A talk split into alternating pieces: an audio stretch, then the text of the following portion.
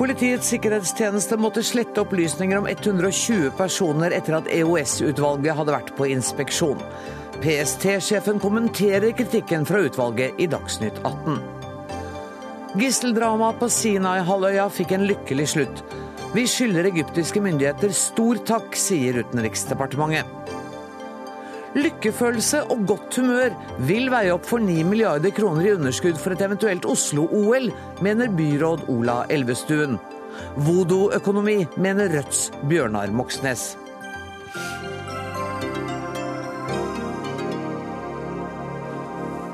Dette er noe av Dagsnytt 18s meny denne tirsdagen, der vi også skal møte Hans Olav Lahlum, som forklarer hvorfor han mener Agatha Christie er verdens beste krimforfatter.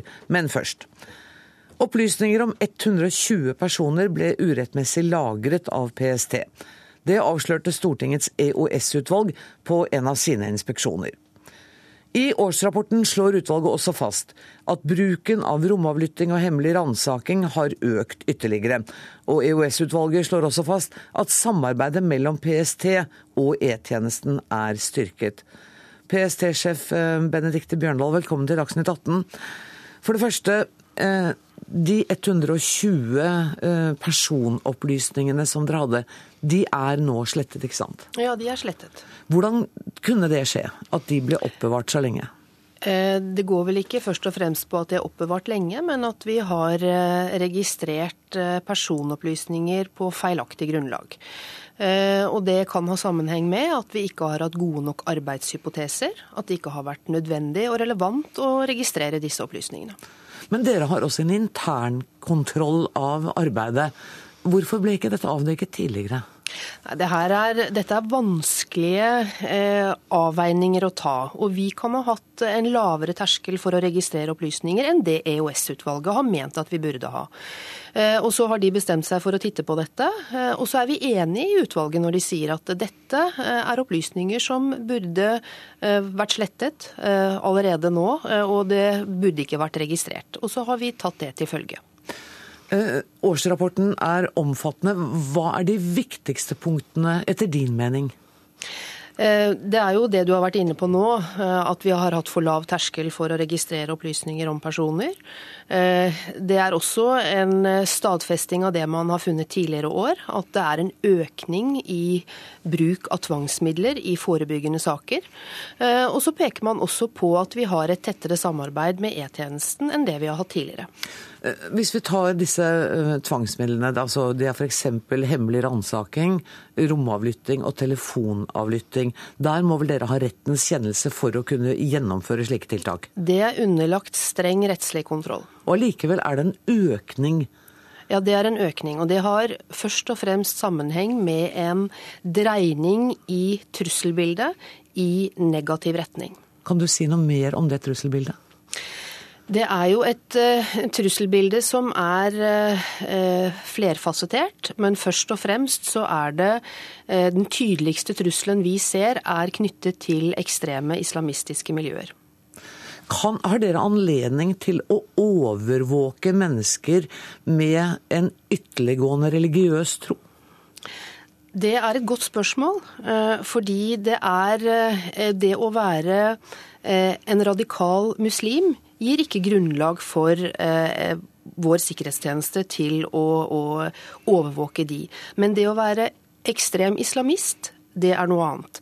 Det som er grunnlaget for vår mulighet til å overvåke, det er voldspotensialet. Det vil alltid skulle være et voldspotensial som ligger til grunn for eh, typisk overvåkning fra, fra eh, PST. Nå må du bare stoppe meg hvis jeg spør om ting som er hemmelig. Men hva, hva kan et typisk voldspotensial være?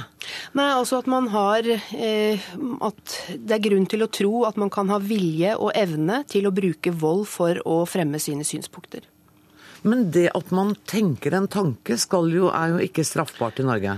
Nei, og vi vil jo ikke være inne i hodene til folk. Men når det har gitt seg utslag i eh, ytringer, i samhandling med andre, i eh, kanskje tidlige forberedelsesfaser, så er det noe mer enn bare en tanke.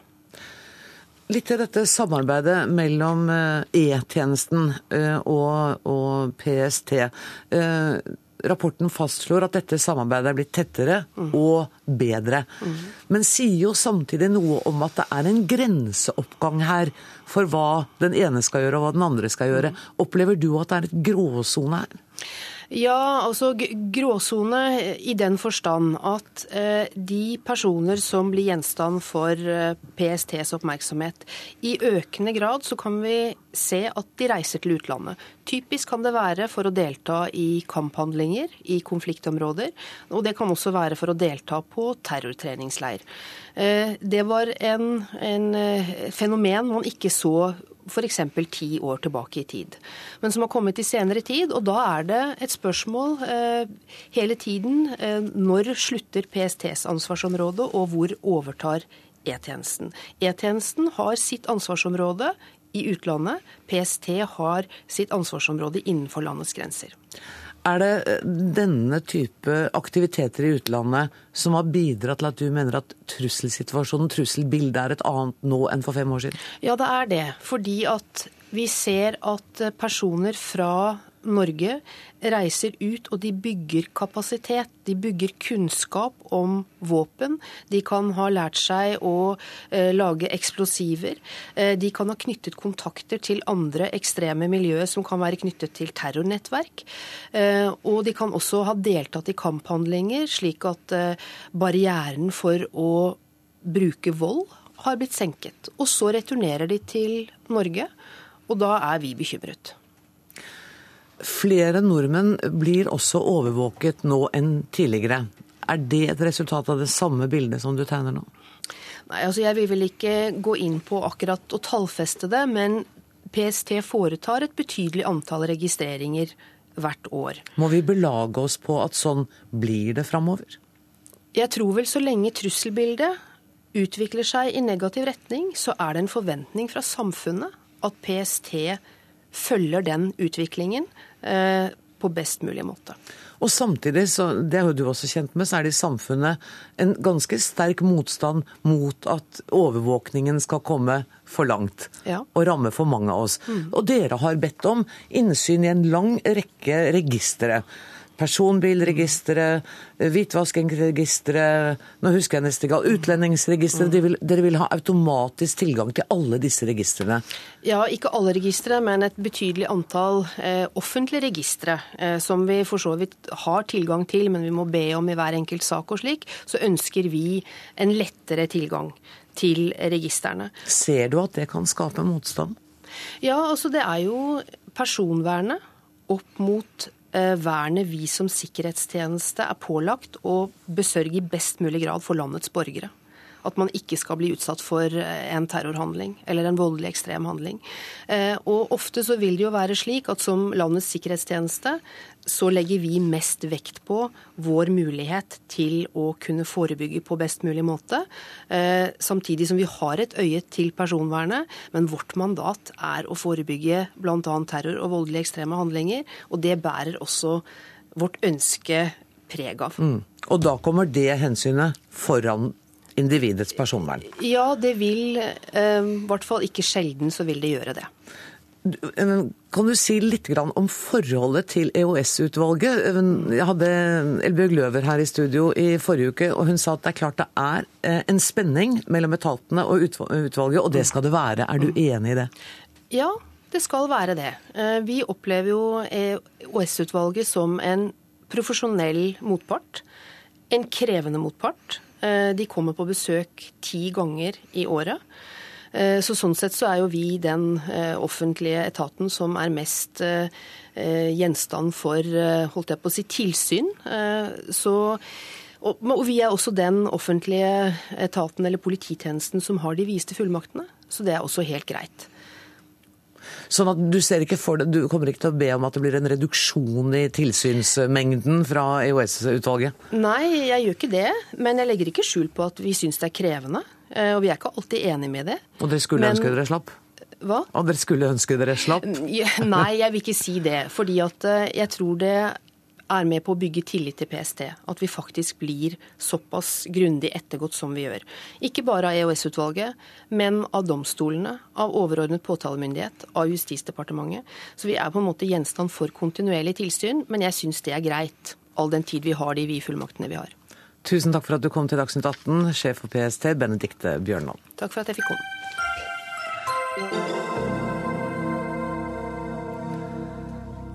I dag kom den gledelige nyheten om at gisseldramaet på Sinai-halvøya er over.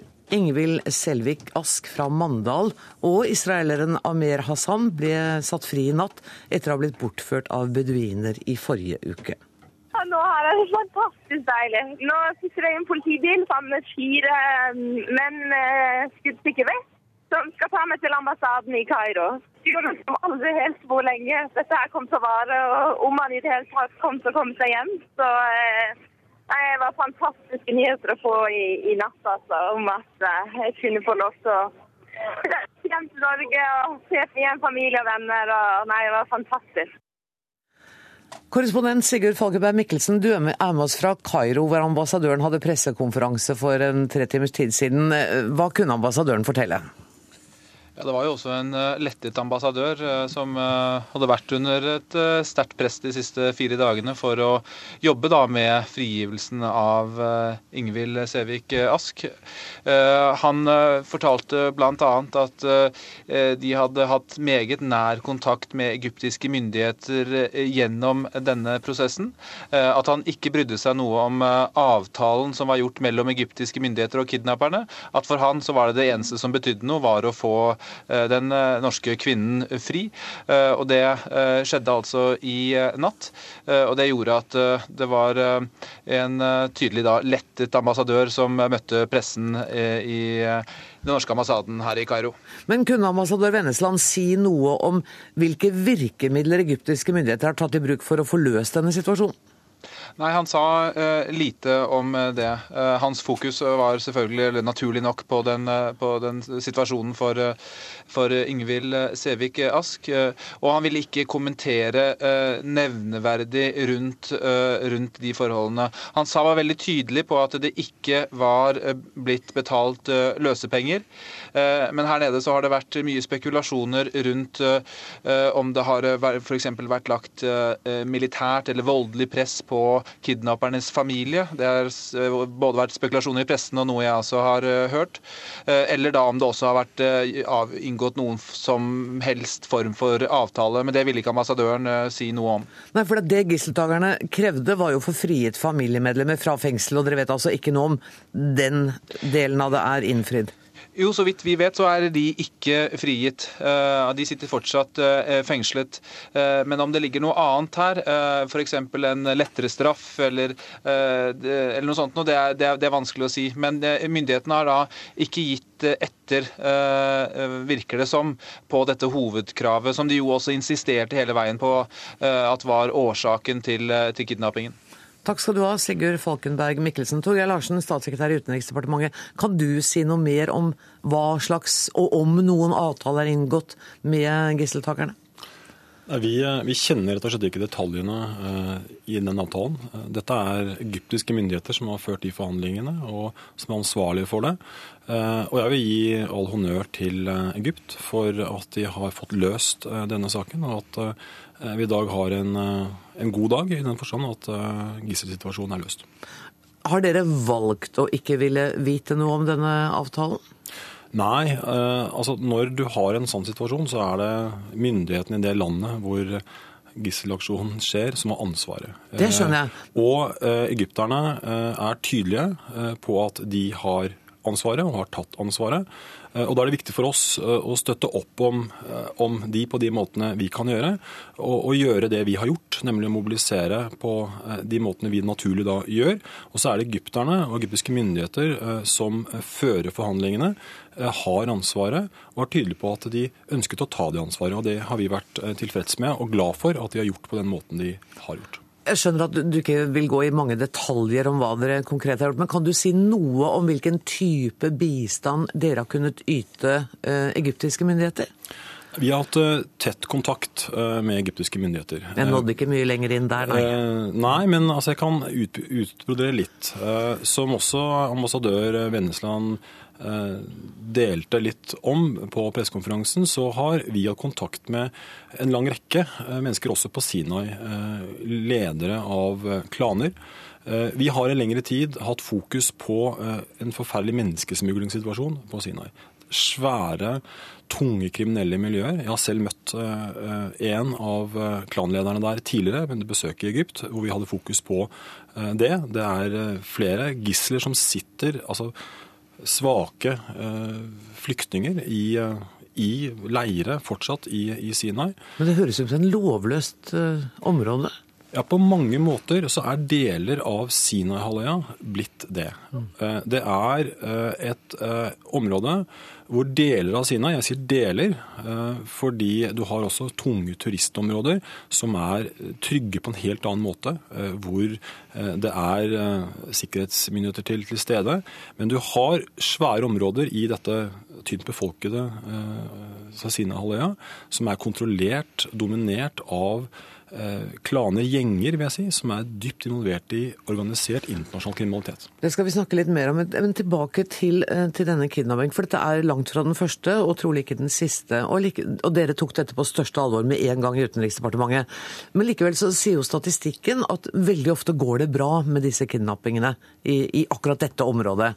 Eh, De kidnappede overlever. Og kidnapperne får heller ikke gjennom de kravene de har. Og det er jo liksom et naturlig spørsmål hvorfor fortsetter det? Det er et uh, godt spørsmål, men det er klart at det er elementer her, uh, kriminelle elementer. Så det at historien viser at det ofte, som oftest har gått bra når vestlige turister spesielt er eh, kidnappet, uh, så er ikke noe vi kan være sikre på Nei, skjer. Derfor så er vi nødt til å mobilisere de ressurser vi mobiliserer når noe sånt nå skjer. For dette er farlige mennesker Mm. involvert i grusom kriminalitet på mange måter. Og uforutsigbare, selvfølgelig. Sånn, Absolutt, Ja, så man kan ikke... Men hva, hva slags bare helt kort, eh, hva slags eh, apparat er det som settes i gang i UD når dere sier nå eh, danner vi krisestab? Nei, altså, vi har eh, et oppsett og en rutine for det. Eh, Enhver krise, enhver gisselsituasjon er ulik den som skjedde sist. Men vi har et, eh, et rutinekriseoppsett som gjør at da trår som regel krisestaben sammen her i Oslo. Det er da de ulike relevante etatene fra politi, forsvar med, med alle de ekspertisene som er der. Som mobiliseres ut fra situasjonen og hva som er eh, behov for. Og så er det parallelt da mobilisering der hvor dette skjer, hvis vi har en ambassade der. I denne sammenheng så var det da spesielt ambassaden eh, som var sentrale, og hvor da hovedjobben her hjemme var å styrke den kapasiteten eh, ambassaden hadde. Eh, fra alt fra altså politiressurser til eh, mediehåndtering. Eh, det avhenger av situasjonen, og ikke minst hvordan da altså krisen håndteres der det ansvar, nemlig dette sitt tilfelle Egypt. Ja, og egyptiske myndigheter har dere gitt eh, ros til. Heidi Breen, du er masterstudent ved Institutt for kulturstudier og orientalske språk ved Universitetet i Oslo, og skriver for tiden på en oppgave hvor du bl.a. ser på radikaliseringen av Sinai-halvøya. Jeg går ut fra at du kan være enig i det som statssekretæren sa om at deler av Sinai-halvøya er et farlig område?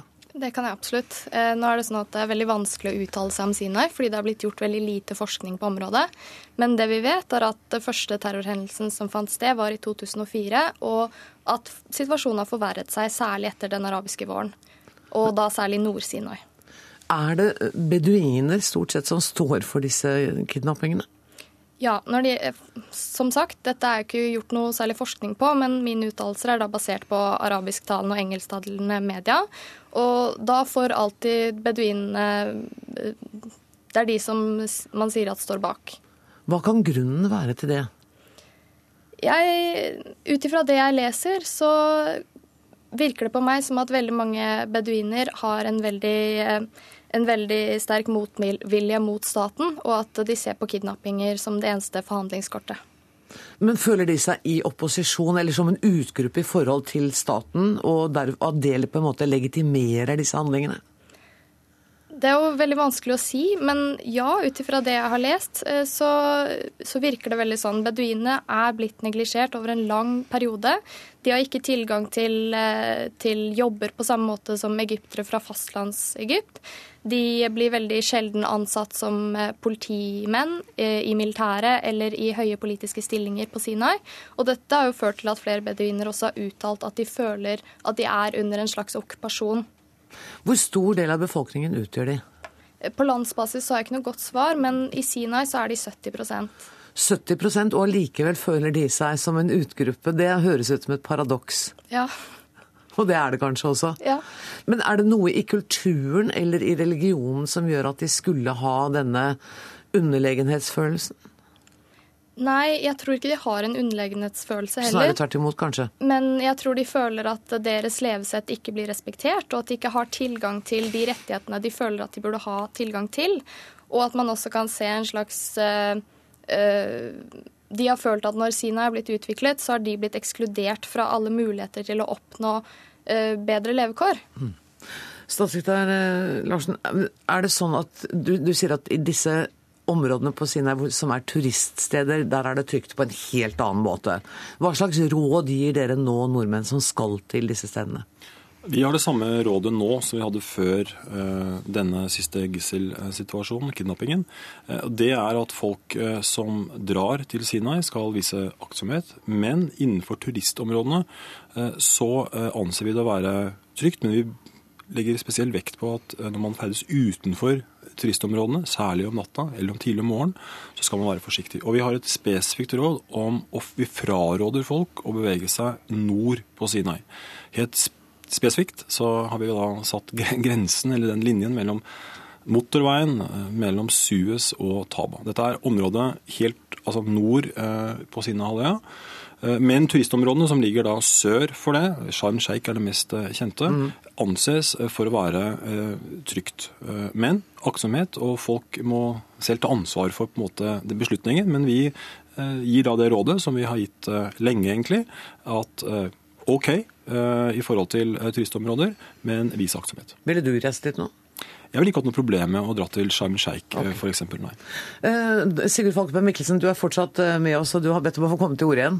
Ja, jeg tenkte jeg sitter og hører på dere snakke om beduiner og Sinai ja. og egyptere. Så er det et viktig forhold i nær historie som er med på å forklare eh, denne, denne spenningsforholdet mellom den egyptiske staten og beduinene, og det er eh, den israelske okkupasjonen. Eh, altså Israel tok over området etter, seks, eh, etter seksdagerskrigen i 1967, og beduinene Palestinerne blir da av mange egyptere beskyldt for å ha samarbeidet med okkupasjonen, og har følt seg spesielt fremmed etter at egypterne da fikk tilbake området etter Camp David-avtalen. Det er også med på å forklare hele, hele denne eh, eh, prosessen og det, det vanskelige forholdet eh, beduinene har til den egyptiske staten. Så handler det også veldig mye om fordeling av inntekter fra turistindustrien, og ikke minst eiendom som mange føler er konfiskert av eh, rike forretningsmenn eh, fra eh, si fastlandet landet i Egypt. Og slik situasjonen er som du forteller om det nå, så kan det hende, vi kan i hvert fall ikke garantere at det ikke blir flere kidnappinger i dette området? Nei, Det er et urolig område. og Jeg var på Sinai første gang i 2005. Da var det et terrorangrep i Sharm el-Sheikh. Sånn at dette området er, har vært spent de siste, siste ti årene. Da, kombinert da, med, en, med, en, stor turistindustri som gjør at man får uh, ganske mye fokus på, på, på området. Torgeir Larsen, kort til slutt. Du ba om ordet.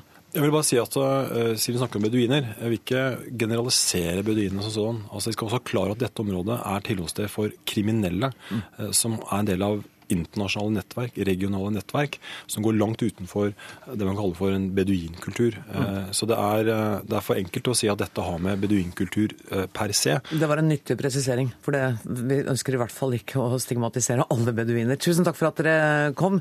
Takk til Sigurd Falkberg Mikkelsen, takk til Heidi Breen og takk til Torgeir Larsen.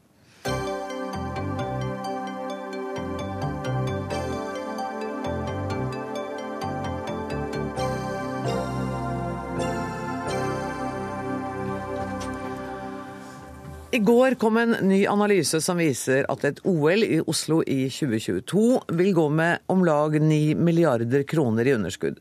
Totalt kommer arrangementet til å koste 20,5 milliarder kroner. Likevel mener idrettsbyråd Ola Elvestuen at det er verdt, slikt, eh, at det, er verdt det, fordi et slikt idrettsarrangement skaper betydelig engasjement. Og Ola Elvestuen, er ikke 9 milliarder kroner et litt høy pris eh, i underskudd for å skape litt idrettsengasjement? Men, men, nå er det ikke det analysen videre viser. Dette er en samfunnsøkonomisk analyse, og den viser er at de elementene som du nå kan prissette, utgjør 11,5 eh, milliarder kroner. Og da gjenstår det jo da de de virkningene som du ikke kan prissette, som har en verdi på 9 milliarder kroner. Og Det det du da bl.a. ikke kan prissette, er jo f.eks. hele byutviklingsaspektet ved eh, olympiske leker og Paralympics. Det er ulike sider med hvordan du, du kan få en styrket kulturliv, at du kan få effekten av frivillighet. Det er mange elementer som også har en økonomisk betydning, som de per i dag ikke kan prissette. Om dette da blir et positivt eller negativt samfunnsøkonomisk regnskap, er jo avhengig av om dette til sammen utgjør mer enn 9 milliarder kroner. Så det er ikke sånn at det er minst 9 milliarder. Det er, det er visst ingenting av dette gir noen effekt, så er det 9 milliarder kroner. Men, men, men, noe av det vil jo gi effekt. Men har jeg misforstått, er det ikke sånn at eh, rapporten beregner at det vil føre til en bedring i folkehelsa, som er stipulert i 4,9 milliarder? Det er, en, det er en målsetting ved å etablere olympiske leker og Paralympics i Oslo og da Lillehammer-regionen at det også skal være en satsing på folkehelse. Og Med de idrettsanleggene som man, som man, anlegger, så vil det jo være en økt eh, aktivitet som ligger inni det. I tillegg til da i byutviklingsaspektene, hvor du ser også på eh, sykkelstier, at du ser på de grantanleggene som anlegges, så vil du også kunne få en folkehelse effekt, i tillegg til de programmene som man jo vil må legge opp til for å oppnå dette. Men poenget er at det går, altså Her har man jo da satt en sum, 4,9 milliarder kroner i folkehelseeffekt. Ja. Så man, man beregner da det er, dette, er en, dette, er jo en, analyse som det da er som da eh, Oslo 2022 har bedt om at skal gjøres. og Den er jo da gjennomført med den usikkerheten som ligger til grunn. Og Det de selv skriver i rapporten, er at man, på, at man har lagt en konservativ vurdering til grunn. Og akkurat på folkehelseaspektet så er det klart at her er det stor usikkerhet. Det er ingen tvil om at vi som samfunn har behov for å satse mer på folkehelse. Ikke minst med en stadig eldre befolkning som vil slå inn på 2020-tallet. Men det er avhengig selvfølgelig selvfølgelig at vi lykkes med den jobben vi gjør og det arbeidet som gjøres. Så en usikkerhet vil det være. Dette er en samfunnsøkonomisk analyse med det det innebærer. Rødt-leder Bjørnar Moxnes, du har sagt at det er useriøst å legge inn verdien av hygge og glede i et sånt regnskap. Hvorfor det? Vi opplever jo i hvert fall sjelden ellers at eh, byrådet Venstre og Høyre eh, regner inn trivsel og kos som en del av inndekninga for budsjettutgifter. Men det viktige er jo at vi har gått inn i tallene og sett på disse 4,9 milliardene som vi skal få i økt eh, styrka folkehelse. Og Beregningene viser følgende at 2300 eh, nye personer kan årlig trene i disse nye anleggene.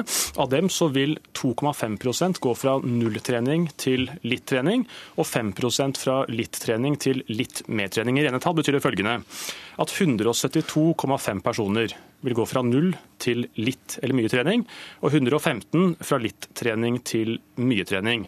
Det er da den eh, folkehelseeffekten som da er fra, fra rapportens egne tall i forhold til 4,9 milliarder samla. Dette er etter vårt syn eh, ganske useriøst, og det er liksom tenk, tenk på et tall. Og vi kan jo eh, få mye mer folkehelse igjen for å bruke 4,9 milliarder på f.eks. å bygge sykkelvær, gjøre det lettere å gå i Oslo det folkehelse. Nei, de... Du har jo lest rapporten som en viss mann leser Bibelen? Nei, vi har gått inn i tallene og sett hva som egentlig uh, står i rapporten. Det slående, syns jeg, er jo at, uh, at, vi har erfaringer og forskning uh, fra mange andre tidligere vinter-OL, OL-arrangørbyer. Og forskningen viser jo at det fins ingen langsiktige ringvirkninger i positiv retning fra å arrangere et vinter-OL. Verken for kultur, næringsliv eller folkehelse. At det er særlig sunt å se sport på TV. Eh, det visste ikke jeg, men det er åpenbart en stor effekt av OL i 2022 i Oslo. Jeg tror, jeg tror det varierer stort mellom de ulike arrangerbyene på de olympiske leker og Paralympics. Ser du f.eks. på Barcelona i, i 92, så tror jeg det har hatt en stor effekt for utviklingen i den byen. Ikke bare de olympiske leker og Paralympics, men også det de har utnyttet det til i etterkant. Og de drar jo veksler på det ennå i dag.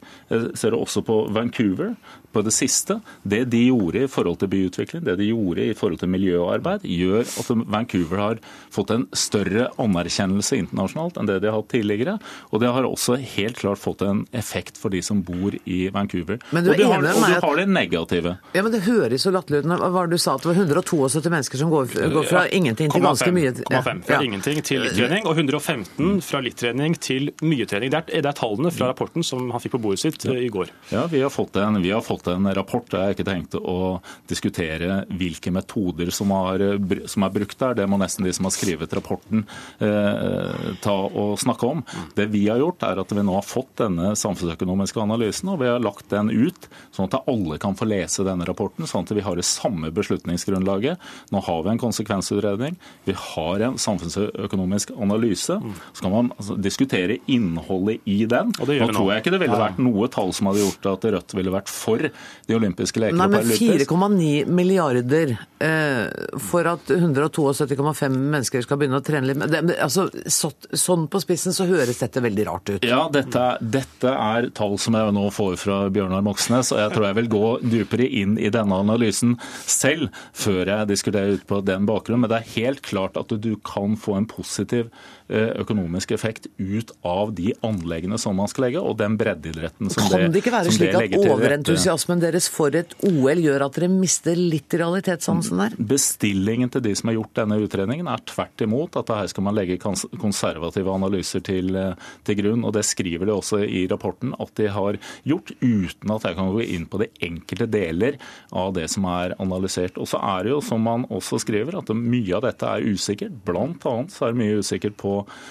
på eh, folkehelse. Og det er jo også de ambisjonene som man legger til grunn for de olympiske leger og paralympier. At du skal få til en varig endring. Og oppgaven til byråden nå er jo å legge fram en søknad som er så god at du også kan vise hvordan du skal oppnå en varig endring, som jeg tror vi er enige om at vi trenger. den store diskusjonen som mange burde engasjere seg ikke bare i Oslo, men i hele landet for øvrig, er jo om eh, vi ønsker å bruke minst 25 milliarder kroner, både fra stat og fra kommune og fra idretten, eh, på et OL-arrangement. Det er en stor investering samfunnsmessig, det er mye penger, og de vil da primært gå til arrangementskostnader for et veldig flott, eh, sikkert 16-dagers arrangement, men det vil ikke gi noen varige positive Ja, men har du, ringvirkninger. må etter hva Elvestuen sier, for det vil jo nettopp gjøre det. Det Ja, vil jo vare fordi at man får sykkelstiene, man får infrastrukturen, man får bygningene, man får de idrettsanleggene som folk kan bruke etterpå. Nei, spørsmålet er om vi kan bruke disse pengene mer fornuftig på varige anlegg og på folkehelse som gir effekt over lengre tid. Men det er en annen diskusjon. Du sier Nei, at det ikke nei, gir noen effekt her, at det er bare de 16 dagene, men det er jo ikke riktig. Ja, det vil, gi, det, vil gi, det, vil gi, det vil gi effekt for de 172 menneskene, det vil det gi naturligvis. Men mye av, mye av kostnadene er knytta til, til arrangementet, til eh, sikkerheten, til å bygge opp, og er til å bygge ned etterpå.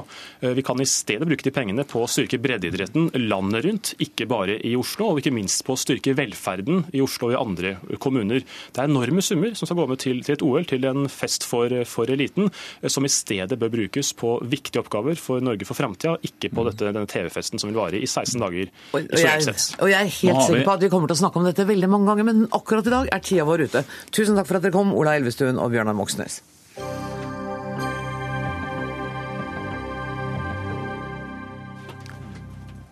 Det skal ikke lenger være straffbart for nordmenn å planlegge å få barn gjennom surrogati i utlandet, hvis regjeringen får det som de vil. Forslaget ble rakt fram av helseministeren på Stortinget fredag, og Kristelig Folkeparti mener dette er en lovendring som i praksis betyr å liberalisere surrogati. Nina Tagnes Grønvold, statssekretær i Helse- og omsorgsdepartementet i Arbeiderpartiet. Hva innebærer denne endringen? Det lovforslaget som vi nå kommer med, er først og fremst en presisering av gjeldende rett på området. Det innebærer altså ingen forandringer fra det som i dag gjelder i Norge. Eh, Den, da, da må du hjelpe meg. For at så vidt jeg ser, så, eh, så sier loven nå at den som forsettlig overtrer loven eller bestemmelse gitt i medhold straffes med bøter eller fengsel inntil tre måneder. Og så innfører man nå unntak. Unntak for privatpersoner som søker eller benytter tilbud som er i strid med denne loven, og den som donerer egg, sæd eller befruktede egg, eller forskningsdeltakere. Det er jo en endring, det. Ja, Det er en lovendring Ja. som, i, som rent faktisk presiserer det som har vært rettstilstanden helt fra loven ble vedtatt i 2003. Men det har jo vært som- diskusjoner om dette her. Ja, De siste åra Ja. har det kommet diskusjoner bl.a. også i departementene og i media om eh, hvordan loven egentlig skulle være å forstå, og vært reist spørsmål ved om også privatpersoner som forbereder seg eh, til behandling i utlandet, eh, skulle kunne straffes for de forberedelsene sine, forberedelsene sine i Norge. Og Eh, slik men da har den man gamle vist- loven var, så kunne de det. Med fengsel inntil tre måneder. Nei, slik som loven eh, har blitt praktisert og tolka fra dag én, og, slik som også forarbeidene til loven beskriver situasjonen, så har det ikke vært meninga i det hele tatt at dette skulle gjelde eh, pasienter som mottar tjenester. I forarbeidene til loven, som eh, Bondevik-regjeringen skrev i 2003, så er det omtalt i forhold til det med straff at det gjelder helsepersonells handlinger i Norge, i forhold til delvis hva det ikke er lov å gjøre i Norge, og delvis hva det ikke er lov å bidra til fra Norge. Og er informere om, f.eks. For, eksempel. for det har jo dere nå sjekka ut med Lovavdelingen.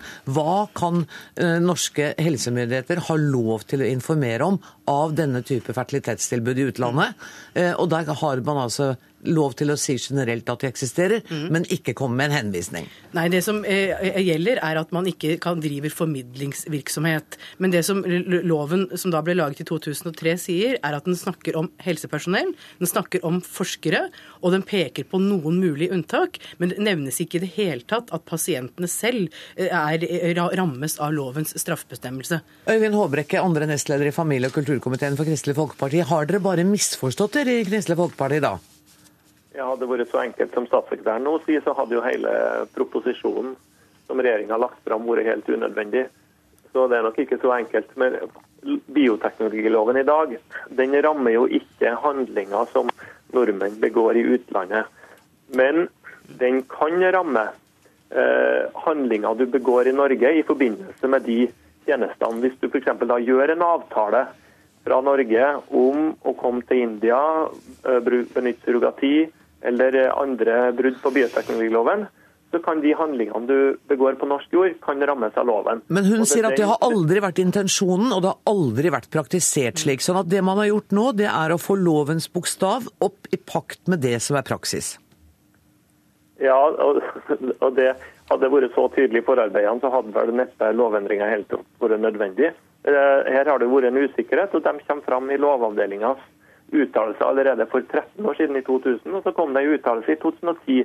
Det har vært vel kjent lenge at, herre, at her, loven kan ramme handlinger som begås i Norge. Men det som blir spørsmålet da, er jo hva, hvordan forholder vi oss til det? Det er jo det som er spørsmålet i 2013. Og vi må jo ta inn over oss at eh, siden loven her, Stortinget behandla loven her sist, har det vært rivende utvikling i det globale markedet og tilgjengeligheten av, de, av, av bio- og genteknologi globalt. Sånn at Markedet i dag for surrogati det består jo bl.a. av par som får unger med sine egne arveanlegg med, med surrogatmor. Det består av voksne som bestiller unger som de ikke har noe slags eh, biologisk tilknytning til, annet enn at de har, man har ikke noen annen tilknytning til ungene enn man, har kjøpt dem, for å si det sånn. Men Uh, og det, det er kvinner som tvinges til å ta abort. Det er unger som, det finnes eksempler på unger som ikke har blitt henta. Poenget her det er at i det her globale markedet som vi har i 2013, og som nordmenn tar del i, der kvinner utnyttes og unger blir til en handelsvare, så sier regjeringa vær så god, fritt fram for privatpersoner. Dere skal vite at, at ingen vil rammes av sjøl handlinger begått på norsk jord, som, som, som det man utnytter kvinner og barn i dette markedet. Og det er det du mener denne lovendringen innebærer? Ja, Hva slags signal er det å sende ut når vi ser hvordan dette markedet utvikler seg? Det bør regjeringa svare for. Ja. Jeg syns det er viktig å stille spørsmål tilbake til KrF, som delvis har skrevet loven i sin tid og forarbeidene, og har sittet stille og sett på at eh, lovpraksis i Norge fram til i dag, eller rettspraksis har vært, at ingen pasienter og privatpersoner har blitt verken anmeldt, etterforska eller tiltalt eller straffa for noen former for brudd på bioteknologiloven. Hva vil KrF gjøre med dette nå? Vil de foreslå at pasienter heretter skal straffes, og i tilfelle for hva, og på hvilken måte? Vil de foreslå at bioteknologi bioteknologiloven også skal gjelde i utlandet, som nesten ingen andre norske lover gjør. Dette er viktige spørsmål for folk å få svar på. Den største gruppa eh, pasienter, privatpersoner i Norge, som i dag benytter seg av tjenester i utlandet, som ikke er lov i Norge, det er de nesten sju, over 700 kvinnene som benytter seg av assistert befruktning for enslige i Danmark. Det vil nok være den største gruppa som her får klar beskjed om at det at dere sitter i Norge og sender e-poster, tar telefoner og forbereder dere f.eks. sammen med familie og venner til å utføre denne assisterte befruktningen, det mener vi at vi ikke skal eh, etterforske og straffe. Det gjør vi ikke i dag, og det mener vi at vi heller ikke skal gjøre framover. Andre eksempler kan være par som mottar eggdonasjon i utlandet. Og selvfølgelig er også ulike former for surrogati en del av dette, men det er tallmessig mye mindre. Men det Håbrekke er inne på, er jo dette med å kjøpe barn, som man altså ikke har noen biologisk tilknytning til i det hele tatt jeg vil være forsiktig med å bruke den, eh, den, språkbruken. I spørsmålet om assistert befruktning eh, så er det veldig mange forskjellige eh, måter å få hjelp til å få barn på. Det er en debatt som hele tida forandrer seg, og der mennesker også har, har sterke behov og følelser i forhold til dette. Det som er viktig for oss som politikere, er å holde både regelverket klart og holde den etiske debatten levende på dette området. Og det er det Håbrekke driver med. Håbrekke? Ja, altså jeg må jo bare si at uh, jeg føler jo statssekretæren snakker seg litt bort fra realitetene. og KrF er gjerne med på en diskusjon om hva er en hensiktsmessig utforming av straffebestemmelsen i bioteknologiloven. Den diskusjonen tar vi gjerne. Men da må man jo ta utgangspunkt i den virkeligheten vi har i 2013. Vi har et globalt marked der man kan, ja likt eller ikke, man kan kjøpe barn. For den assisterte befruktninga foregår med andres arveanlegg. Det er andre som bærer fram ungene. Man har ingen annen tilknytning enn den, de pengene man betaler. Det er den ene ytterligheten av dette. Og så er det mange andre varianter som statssekretæren nevner. Men her er det et globalt marked, og regjeringa sender ut et, et, veldig tydelig signal. Man vil endre loven, sånn at man sier til norske borgere uansett hva du måtte foreta deg ut i det globale vill vest-markedet som dette er, der unger blir regelrett kjøpt, og kvinner blir utnytta. Uansett hva du foretar deg, så, så, vil loven ikke ramme deg i noe som helst forstand. Og der fikk du sist... Ja, den virkeligheten vi lever i, så er det et veldig spesielt signal å sende ut. Du fikk sist ord, Øyvind Håbrekke, andre nestleder i familie- og kulturkomiteen fra Kristelig Folkeparti. Takk til statssekretær Nina Tangnes Grønvold. Hør Dagsnytt 18 når du vil, på nettradio eller som podkast. nrk.no – dagsnytt 18.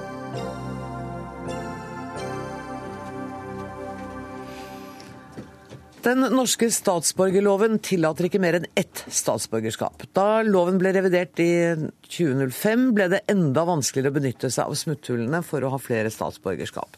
Forsker ved Institutt for fredsforskning Tove Hegli Sagmo, du skriver på NRK Ytring at statsborgerloven kler ikke en stat som ønsker å framstå inkluderende og moderne. Fortell hva du mener om det. For det første så har man jo sett en, en, eh, utvikling internasjonalt om at flere land blir mer og mer tolerant i forhold til å, å åpne opp for, for eh, dobbelt statsborgerskap. Og Grunnen til det er at man har kommet til en erkjennelse av at migrasjon er en ressurs for et land. Og det mener man ikke bare innvandring, men også utvandring. At et land har har veldig mye å tjene på at sine statsborgere drar ut og opererer som ambassadører, som Støre også sa så godt eh, i 2007. Men så er det også knytta eh, den, norske statsborgerloven er knytta opp til en litt sånn gammelmodig holdning om at identitet er, er noe som, som, er i en tall, og som knyttes opp mot et pass. Eh, det reflekterer ikke hverdagen i Norge og mange andre land. Migranter eh, og nordmenn har flerfoldige identiteter. De har ikke tilknytning til flere land.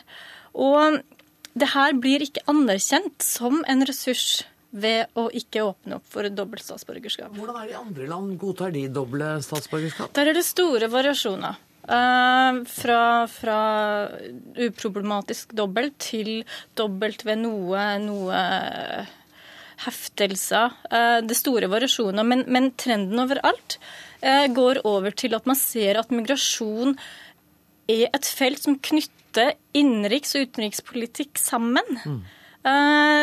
I utenrikspolitikken så, se, så, sier man at eh, Eller man har gått veldig langt i å anerkjenne at forbindelser på tvers av landegrenser er noe som er ønskelig for Norge, og som er i Norges interesse. Men utenrikspolitikken og, og stortingsmeldinga fra 2009 eh, har ingen sammenheng med måte, statsborgerloven i Norge. Så det er et gap der det burde vært en bro. Ser du noen problemer i det hele tatt med at Norge skulle åpne adgangen til dobbelt statsborgerskap? Nei, de motargumentene som blir brukt, det er stort sett tre hovedargumenter. Eh, jeg har store vansker med å forstå hvorfor man henger seg opp i de her argumentene, for de er ikke rasjonelle. Hva er de tre? Går det an å si det kort? Eh, det er et mer sånn pragmatisk, eh, praktisk argument som går på at, eh, at, det blir vanskelig å gi konsulær bistand. Mm. Og så har man lojalitetsargumentet, som ble debattert mest under odelstingsdebatten i 2005. Fordi man mener at ved å åpne opp for flere lojalitetsretninger, så vil det kanskje i verste fall skape en sikkerhetsrisiko for Norge. Mm. Og så er det siste argumentet som går på likhetsprinsippet. At det er viktig at alle er samme båt i en nasjon. Og at hvis noen av våre borgere har rettigheter som andre ikke har, så vil det her skape ubalanse i systemet. Men, men, ingen av de tre syns du helt holder. Vi må gå videre til stortingsrepresentant for Arbeiderpartiet, Eirik Sivertsen. I 2005 eh, ble altså statsborgerloven revidert, og dere var et av partiene som stemte for denne innstrammingen. Hvorfor gjorde dere det? Når vi har alt å vinne på å åpne opp? Ja, Vi har ikke bare alt, eh, alt å vinne. Eh, og Det er klart det er noen fordeler som ble belyst innledningsvis her, men det er også usikkerhet ved effektene av å åpne opp ytterligere, som, eh, som det argumenteres for her.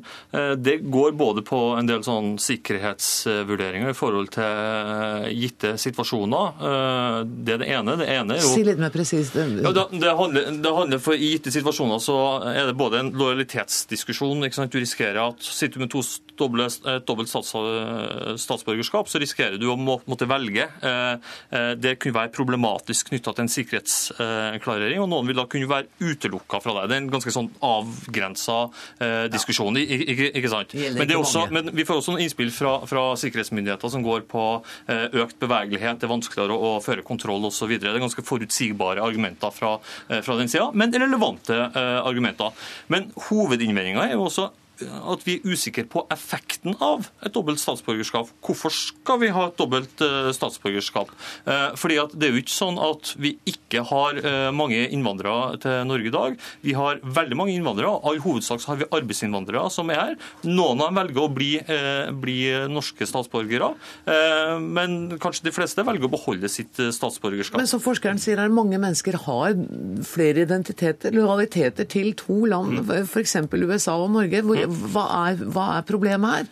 Ja, men altså, Vi er også usikre på effektene. altså Hvilke okay. store gevinster er det vi henter ut av at du skal ha to statsborgerskap? For, fordi at vi, altså Jeg skjønner jo godt Du har jo ikke bare én identitet. Ja. Nei, ikke sant? Du, du, du, har, du, er født og oppvokst et sted, du har bodd store deler av livet ditt et sted. Du har kanskje gifta deg med noen fra et tredje sted. Du kan ha mange identiteter. Men vi mener at uh, fortsatt at statsborgerskapet er noe som du gjør deg fortjent til. Det er noen kriterier du må, må oppfylle.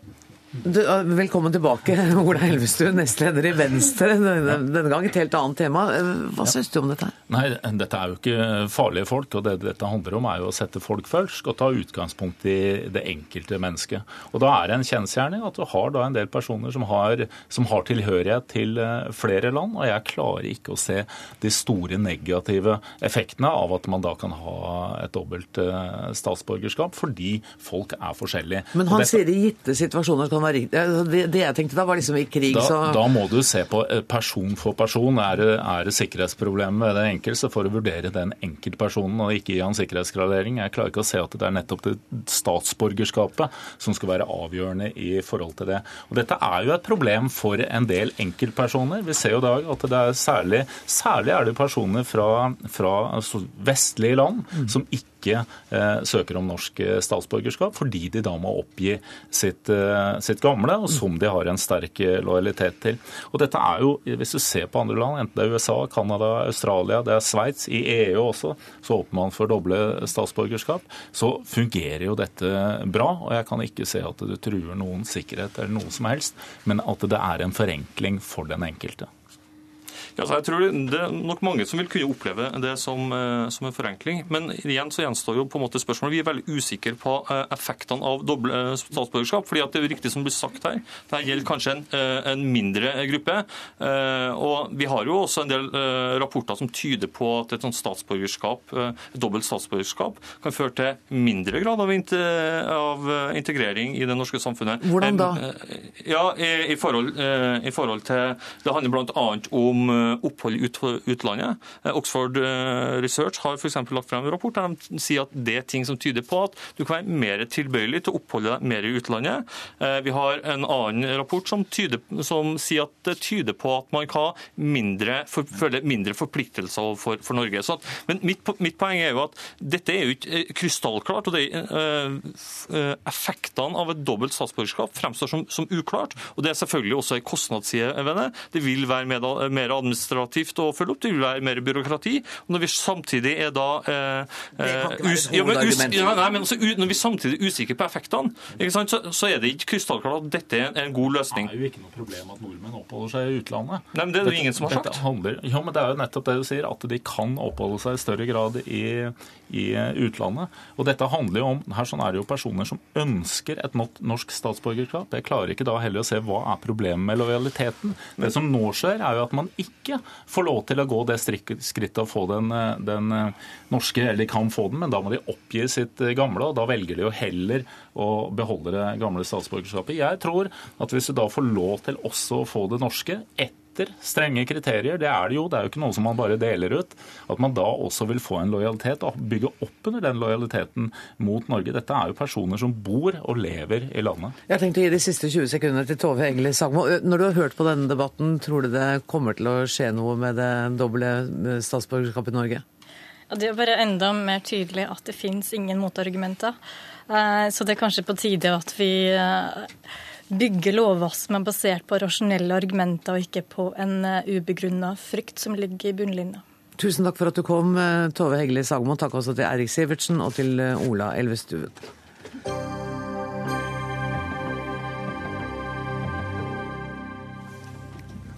Det er jo ikke noen hemmelighet at vi er i påsken, og ingen påske uten krimbok, vil nok mange si. Og den krimforfatteren som har solgt desidert mest bøker i hele verden, er Agatha Christie. time I was 21, I'd finished the first book of mine ever to be published, The Mysterious Affair at Styles. I'd sent it to one or two publishers who didn't want it, and eventually it went to John Lane. Fire milliarder bøker har denne krimdronningen solgt etter at eh, hennes første manus altså ble refusert av et par eh, forleggere. Er det derfor du er så begeistra for henne, eh, Hans Olav Lahlum? Fordi hun har solgt fordi hun ble refusert. Fordi hun ble refusert av to idioter av noen forleggere. Tipper de angret litt etterpå. Men det er jo ikke en ukjent situasjon, det. Det er jo veldig mange av de store forfatterne som har blitt refusert på et eller annet tidspunkt. Har du opplevd det? Ja. Har du? Jeg har det, men det var en del år før jeg Før du begynte å skrive. Ja. Du, noen av oss eh, har vokst opp med Agatha Christie, eh, syns at det var spennende. Og så ble hun liksom brått upopulær. Det var ikke inn å lese henne, det var for gammeldags, det var for lite blod, det var for lite action. Du vil jeg holdt på å si reisekjerringa igjen. ja, nei, men hun har Det er vel litt sånn at krimsjangeren er blitt mer differensiert, og hun har på sett og vis fått en renessanse litt i forlengelsen av det. Og nettopp fordi det er kommet Det kommer jo en ny krimbølge med mye spektakulær ny våpenteknologi og en del veldig dramatiske fysiske effekter. Og jeg har jo av og til kalt det litt for dataspillkrim. da, Det ligner litt på et dataspill. Folk dukker opp og blir skutt eller sprengt, og så forsvinner de osv. Og så har det vel da blitt en liten renessanse for denne klassiske krimmen. Men vi får jo si at Agatha Christie har jo på en måte likevel vært der hele tiden. At hun er vel nesten den eneste av de store internasjonale krimforfatterne fra type før 1960 eh, som liksom hele tiden har vært der framme i hyllene, og som fortsatt selger, og hvor det fortsatt lages nye filmer osv. Syns du fremdeles det holder? Altså Ti små negerbarn, øh, Oriente altså, Vet ikke om tittelen på den helt holder, den Nei. har de jo drevet og endra, men innholdet Hva heter den nå? Nei, Den heter vel 'Ingen ble igjen', eller oh, ja, noe nettopp. sånt har man drevet og endra på, ja. fordi det der med negerbarn var så kontroversielt. Ja, Men- Og så er det Døden på Nilen og Døden ja, på men, men, men Innholdet holder veldig bra. Altså, verden har fortsatt ikke sett blant de mange som har prøvd senere, så er det fortsatt ingen som har overgått Agatha Christie på plott og logikk. Og de beste Agatha Christie-romanene så har du typisk et begrenset, ganske oversiktlig univers. Altså ti personer på en øy eller et antall personer på et tog osv. Og, så og så starter man med et åpent utgangspunkt der, og så får man liksom gradvis ledetråder, og så snevres det inn. Også i de beste Christie-romanene så står du igjen med én løsning, og så tenker leseren at ja, det var den logisk overbevisende løsninga, og det burde jeg ha sett, eller eventuelt jeg var veldig fornøyd fordi jeg så den. Ja, fordi at det skal være mulig å se det. Ja, Det skal være umulig å resonnere, og det er en veldig god eh, logikken i plottene, så å si, er Agatha Christies største styrke. Så har hun noen begrensninger. Eh, Hun er jo satt på spissen en god krimforfatter og ikke noe veldig stor romanforfatter, i den forstand at disse karakterene i romanene hennes har det jo med stor rett vært sagt at det er ganske enkle, overfladiske og til dels stereotype. Da. Nå er det en del masker som faller underveis her. Det er liksom en eh, rik bankmann som man trodde var en stor familiefar, som viser seg å være helt andre ting, og hvor liksom maskene sprekker underveis. Eh, men hun ble jo en gang konfrontert med det, at eh, de er relativt enkle og overfladiske typer, disse romankarakterene dine. Og skal hun jo ha svart noe à la at eh, hvis folk vil at de skal være noe annet, kan de skrive sjæl. Så hun hadde ganske små ambisjoner i forhold til den delen av det. Det var liksom plottet og historien rundt det som var saken for henne. Og ikke alle deler av forfatterskapet er like bra. Nei da, og de 15 dårligste Christie-romanene er ganske dårlige. Men de 10-15 beste er, holder fortsatt et eh, absolutt internasjonalt toppnivå. Og det ser man jo også denne nye Poirot-serien med Suchet har jo gjort det veldig bra sånn. Når du skriver kriminalromaner, så er du helt, eh, det har du innrømmet, eh, påvirket av eh, Agatha Christie. Det er vel en, du har vel dedisert den ene romanen din? Ja, den andre romanen min er tilegnet henne. Ja. Mm. Hva, hva er det du prøver å oppnå? Hva er det du gjør som er annerledes enn Agatha Christie? Nei, Nå er jeg jo et barn av en annen eh, tid og sånt, men eh, der jeg er veldig inspirert av Agatha Christie, er akkurat på det med plott og logikk, og sånn sett litt på oppbygning. Eh, så har jeg en etterforskerduo som nok er litt mer à la Sherlock Holmes og Dr. Watson, hvor den ene forstår eh, en del mer enn leseren, og, og så har du en jeg-person som snakker med leseren, som ofte forstår litt mindre enn leseren. Og så har jeg i tillegg prøvd å gå til Simenon, den store franskspråklige krimforfatteren, og liksom skape noen karakterer som liksom går litt dypere enn Som ligner på Maigret, eller? ja, ja, altså Magrero-mannen, ja. Eh, om jeg har lykkes med det, får andre vurdere, men jeg har i hvert fall hatt litt større ambisjoner på karakterer og slikt enn Agatha Christie hadde. da. Jeg snakket med Jørn Lier Horst i dette studioet, og vi, var, vi, vi to var i hvert fall enige om at det viktigste med en krim er at det må gå opp. Ja. Det må gå opp til slutt. Det må være en logisk forklaring på at det ble som Ja, det ble. altså Ut fra det er Agatha Christie en veldig god krimforfatter. Og sammenlignet med P.D. James og en del av de senere også britiske krimforfatterne, hvor du liksom sitter til slutten og tenker at jo, ok, det var en grei løsning, men her er det også andre løsninger som kunne gått opp, så er det sånn at i de virkelig gode Agatha Christie-romanene, så er det den løsningen Agatha Christie har planlagt som virkelig går opp liksom i alle detaljer og med alle små spor, og, og, og liksom får bildet til å tre frem, og at mønsteret henger sammen her. Eh, og det er jo en, eh, en veldig god for, eh, krimforfatter på. De dårligste romanene hennes, vi må vel innrømme det, de kom mot slutten av livet.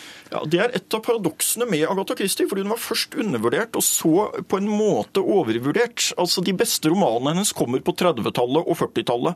Den store popularitetsbølgen kom i stor grad etter krigen. Det var da hun liksom ble den store krimdronningen i verden.